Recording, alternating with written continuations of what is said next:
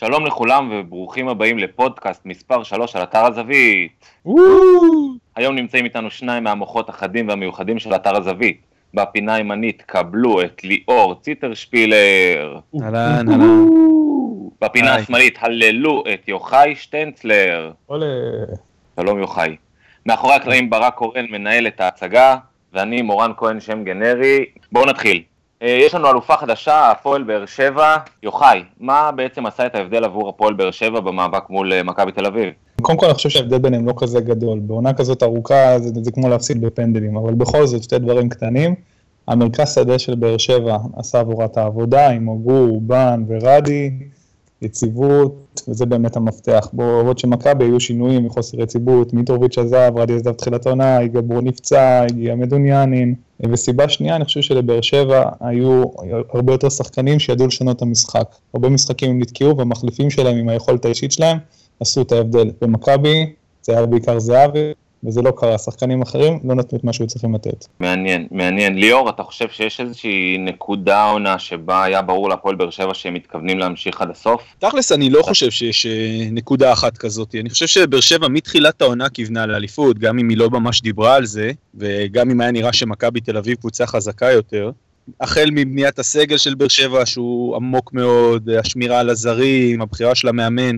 באר שבע ממש אה, בנתה את עצמה חזק, ואני חושב שגם היה לה אופי אה, חזק מאוד. למרות שהיו שלבים בעונה שפתאום היה נראה שהיא קצת יורדת, ומכבי תל אביב הצליחה לצמצם את הפער, והכל הוכרע במחזור האחרון, עדיין באר שבע הצליחה גם ברגעים יותר קשים לשמור על מקום ראשון ולשמור על ניצחונות חשובים. היא עשתה את זה אה, בעזרת הרבה הרבה כוח מנטלי. אני דווקא אתערב כאן ואני חושב שהניצחון אה, 2-1 שארביטמן הכניס את הגול במספרת, שזה היה לקראת אה, סיום המשחק, אני חושב שזה דו- דווקא איזושהי נקודה שבה הם אמרו וואלה דברים מסתדרים לנו, יש סיכוי שאנחנו הולכים, אה, הולכים עד הסוף. נעבור דווקא לצד אה, שהפסיד את האליפות, אה, יוחאי, אתה חושב שליגת האלופות פגעה במכבי תל אביב?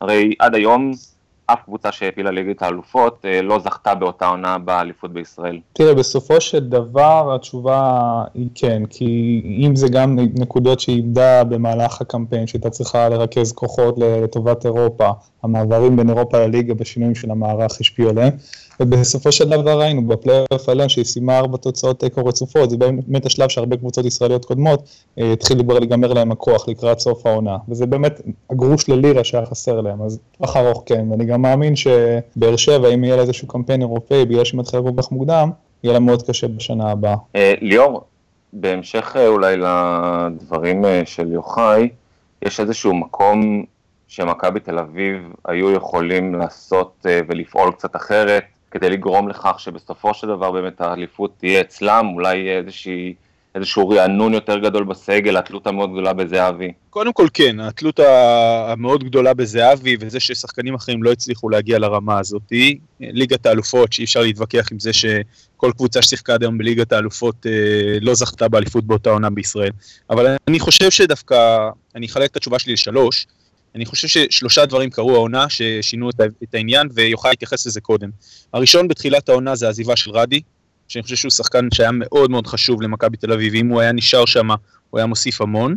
דבר שני, השחרור של מיטרוביץ' בינואר, שאני חושב שהוא השחקן ה- ה- שבליגה הישראלית, שהיה יודע לשחק לעומק הכי טוב מכולם, ומכבי תל אביב קצת התברברה לרוחב מאז שהוא עזב. ולאורך כל העונה הפציעות שלי גיבור, שלדעתי, למרות שהוא לא סקורר ענק, ולמרות שרוב אוהדי מכבי תל אביב אולי לא יסכימו איתי, היכולת שלו להבין את המשחק, לרוץ לעומק, לקבל כדורים בתוך הרחבה כשזהבי יוצא החוצה, היא אדירה. ואני חושב שמרכז המגרש זה מה שלמעשה הכריע פה את העניין, ומכבי תל אביב זה שהיא ויתרה על מרכז מגרש אה, חזק לעומת העונות הקודמות, זה מה שהפסיד לה את האליפות. אני מסכים עם ליאור, אגב, אה, אנחנו לא מדבר, מדברים פה רק על קבוצות צמרת, אבל אם אני אתייחס למכבי חיפה שלנו, שהסיבה לדעתי העיקרית שבשנים האחרונות לא מצליחה לעשות כלום, כי אין לה מרכז אה, שדה חזק.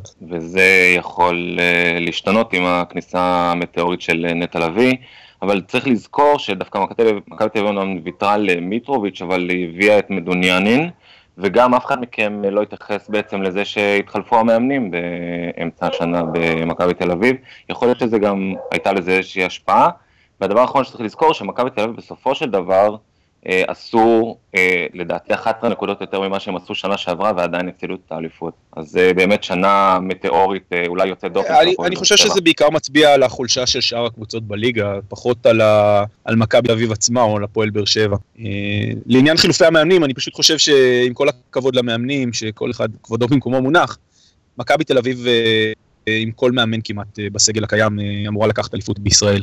זה נכון. וכמו שאמרתי גם בהתחלה, אני לא חושב שמכבי לא נכשלו העונה, הם סיימו באמת ככה מילימטר מאחורי באר שבע, ברור שבה עם התקציב שלהם וזה נחשב עדיין כישלון, אבל זאת אומרת למכבי לא הייתה עונה רעה, זאת אומרת היה דברים שיכולו לשפר, אבל יכול להיות שבאמת אם זה אירופה וכל הדברים האלה ביחד, מספיק שהם גרמו להם לאבד 3, 4, 5 נקודות, יותר מדי, שעשו את ההבדל בסופו של דבר. מעולה. אז אה, בהמשך אה, מישהו שם אה, זרק את השם בכר, ברק בכר, בואו נעבור לנבחרי העונה. המאמן שלכם, ליאור, ללא ספק ברק בכר, אה, ששני לו לדעתי זה חיים סילבס, שעשה עם אה, רעננה דברים לא הגיוניים לקבוצה ב- עם תקציב כזה. יוחאי?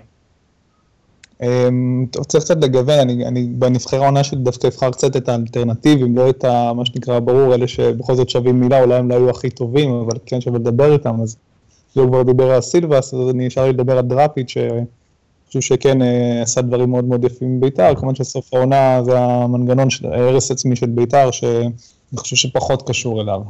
ביתר לאורך אה, שנים היא כבר אה, קבוצה שמאוד קשה לאמן בה, ודראפיץ' עשה את זה השנה בהחלט בהצלחה יתרה. אני דווקא כן אלך עם בכר, לא בגלל העובדה שהוא הביא את האליפות להפועל באר שבע אחרי 40 שנה, ואני חייב להודות ששנה שעברה, אחרי שהביאו את אה, בלבול למכבי חיפה, אני אמרתי חייבים ללכת בכל הכוח על בכר. אני לא בטוח עד כמה היה מתאים למערכת המאוד uh, מקובעת ולא נותנת חופש למאמנים של מכבי חיפה, אבל זה אולי נדע בעתיד.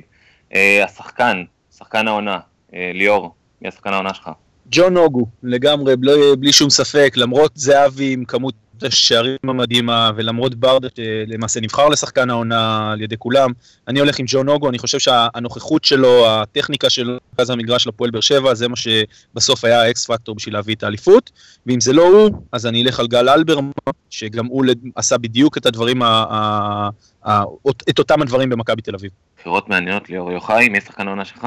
אה, זה החלטה טריוויאלי, אבל זה באמת ערן זהבי, זאת אומרת, זה לא רק בגלל השערים ובגלל הווינריות, הוא פשוט, המספרים שלו השנה הם פסיכיים, לא רק בכמות שערים, כמות המשחקים והדקות שהוא שיחק, הוא שיחק כמעט, אה, הוא שיחק בכל דקות הליגה לדעתי, הוא שיחק בכל הדקות באירופה, ואני חושב שאולי משחק אחד הוא הוחלף, הוא פשוט שיחק 90 דקות כל העונה, לא הפסיד דקה, לא, לא, לא ירד מהמגרש ו- ועשה מספרים מדהימים, בכל ה, עם, עם עומס מטורף, ו- עם אינריות, ובאמת, הוא באמת שתי רמות מעל כולם, אין, אין ספק בכלל. אני איתך יוחאי. אה, תגלית העונה שלכם? נטע לביא, אה, אני, אני חושב שהוא אה, התגלה פתאום העונה ו, ועם המון המון ביטחון והמון המון שקט, הוא עשה דברים מדהימים במכבי חיפה. אה, אני חושב שזה לא יתרומם אם לא יהיו לו פרטנרים רציניים במרכז המגרש של מכבי חיפה, אבל אה, אין ספק שהוא הולך להיות אה, מבחינתי הגל אלברמן הבא של ישראל. אני לא יודע אם הוא תגלית, כי הוא כבר עשה דברים יפים לפני כמה שנים, אבל באמת הוא שווה מילה, זה שלומי אזולאי, אני מאוד מאוד אוהב את השחקן הזה, הוא אינטליגנטי, הוא קר רוח, היה לו חלק משמעותי גם באליפות האחרונה של מכבי חיפה, גם בקריית שמונה, אני לא יודע כל כך למה הקריירה שלו לא הלכה לכיוון אה, יותר טוב, אבל הנה השנה הוא סיים, אני חושב, שני בטבלת הכובשים עם 14 כיבושים, והוא באמת נתן עונה מדהימה. מכבי חיפה הוא קצת הלך לאיבוד, אבל אה, יכול להיות שהוא יותר מתאים לקבוצה קטנה שבה הוא יוכל יותר אה, להביע את עצמו. אני דווקא אלך בקטע הזה בתגלית העונה עם ליאור, נטע לביא, היציבות שלו, כוח מדהים למרכז השדה של מכבי חיפה. וממכבי חיפה למכבי חיפה מבחינתי, אכזבת העונה שלכם, ליאור. אז, אה, אז כמו שאמרת, אני אלך על כל מכבי חיפה ביחד. אם תכריח אותי לבחור שמות, אז אני אבחר באוברניאק ובסטויקוביץ', אבל אה, באופן כללי אני חייב להגיד שהקבוצה כולה היא אכזבה אדירה. לגמרי. יוחאי? אני אלך על קריית שמונה, כי באמת אה, הייתה בצניחה חופשית השנה, והיה חשש באמת גדול שהיא תרד, כי היא לא תדע איך להתמודד עם המאבקי הירידה. אני שמח מאוד שהם נשארו, כי כן חשוב שהמועדון הזה יהיה פה, אבל אני חושב שאיזי קצת, אה, קצת טיפה, אין, לא יודע, איבד את המושכות, עשו הרבה טעויות, חשבו פשוט שהמנגנון יעבוד מטעם עצמו, ולא לא השקיעו מספיק בחיזוק איכותי, וכנראה שגם אה, בעמדת המאמן. אני שמח מאוד אבל שהם נשארו בליגה בסופו של דבר. ומאכזבת העונה נצנח עוד יותר לפארסת העונה. מה פארסת העונה שלך, ליאור? אה, הפועל תל אביב, ללא ספק, אבל שני דברים עיקריים שם. אחד זה הרכבת של השחקנים האדירה שעברה שם העונה. אני חושב שזה פשוט מגוחך, אה, החלפת השחקנים הסיטונאית שם. והדבר השני זה הגעה של גוטמן, מאמן, מכובד, מדהים, מגיע בתור מנהל מקצועי, מספר לכולם שזה מה שהוא הולך לעשות, ושנייה אחרי זה מפטר את המאמן ויורד לדשא.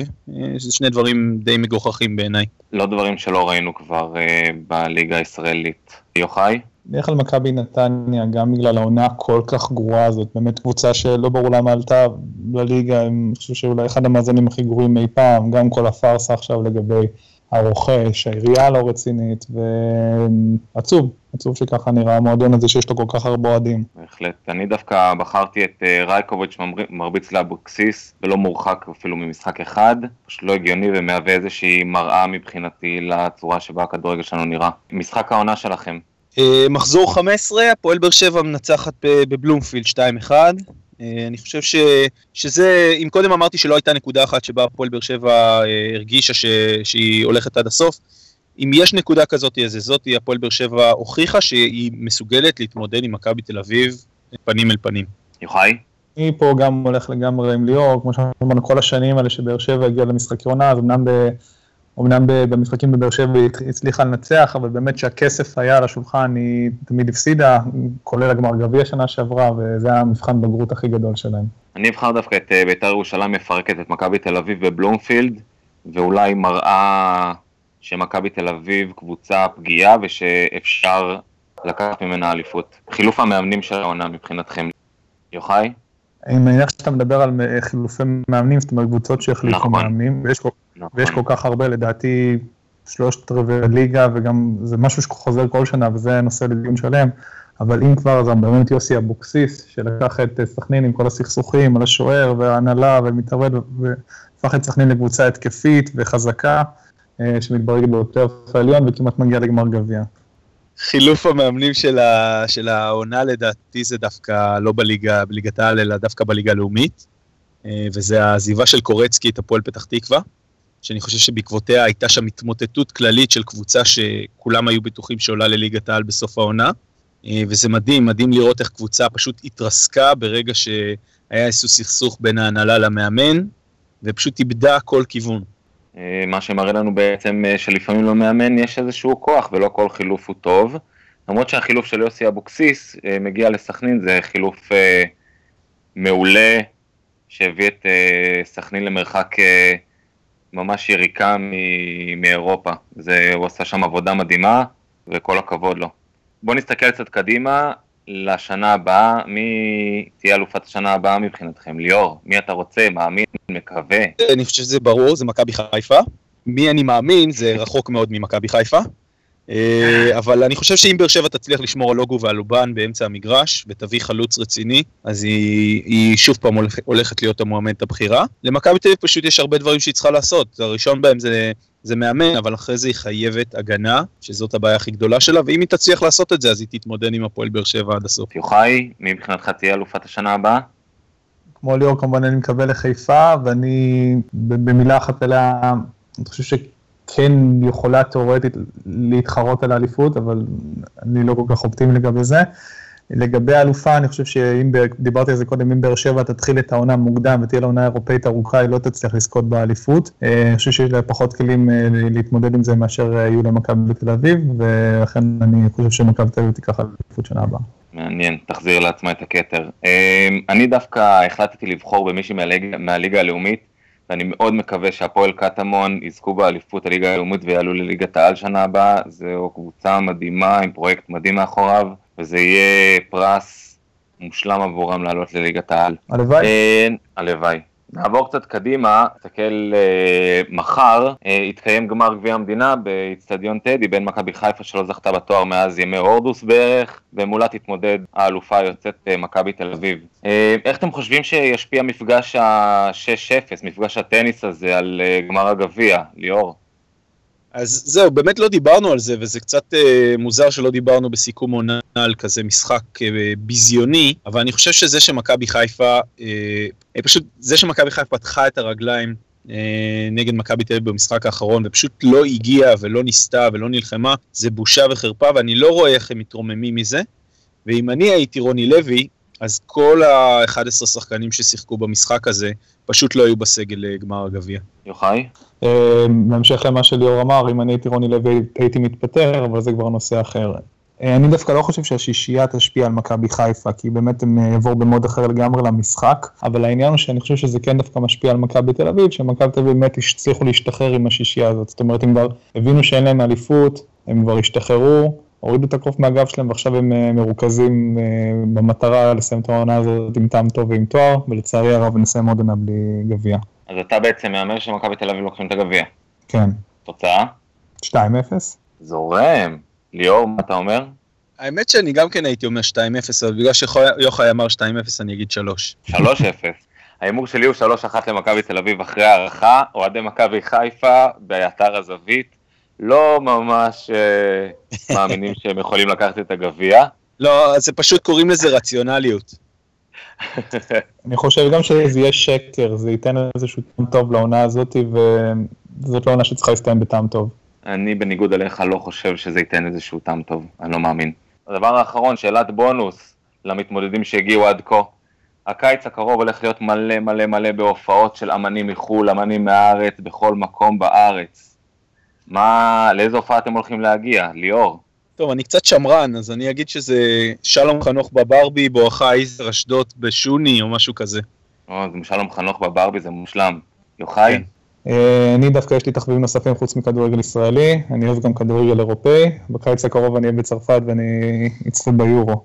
אה, מדהים, הופעה מדהימה, אתה הולך להיות זאת ההופעה הכי טובה שיכולה להיות. לגמרי, לגמרי. אני אגב הולך להופעה של הפולס ב-31 לאוגוסט, מי שלא מכיר אותה מוזמן, אתם עוד יכולים להספיק להתאהב בהם ולהגיע להופעה הזאת. ננסה, ננסה את ההמלצה שלך.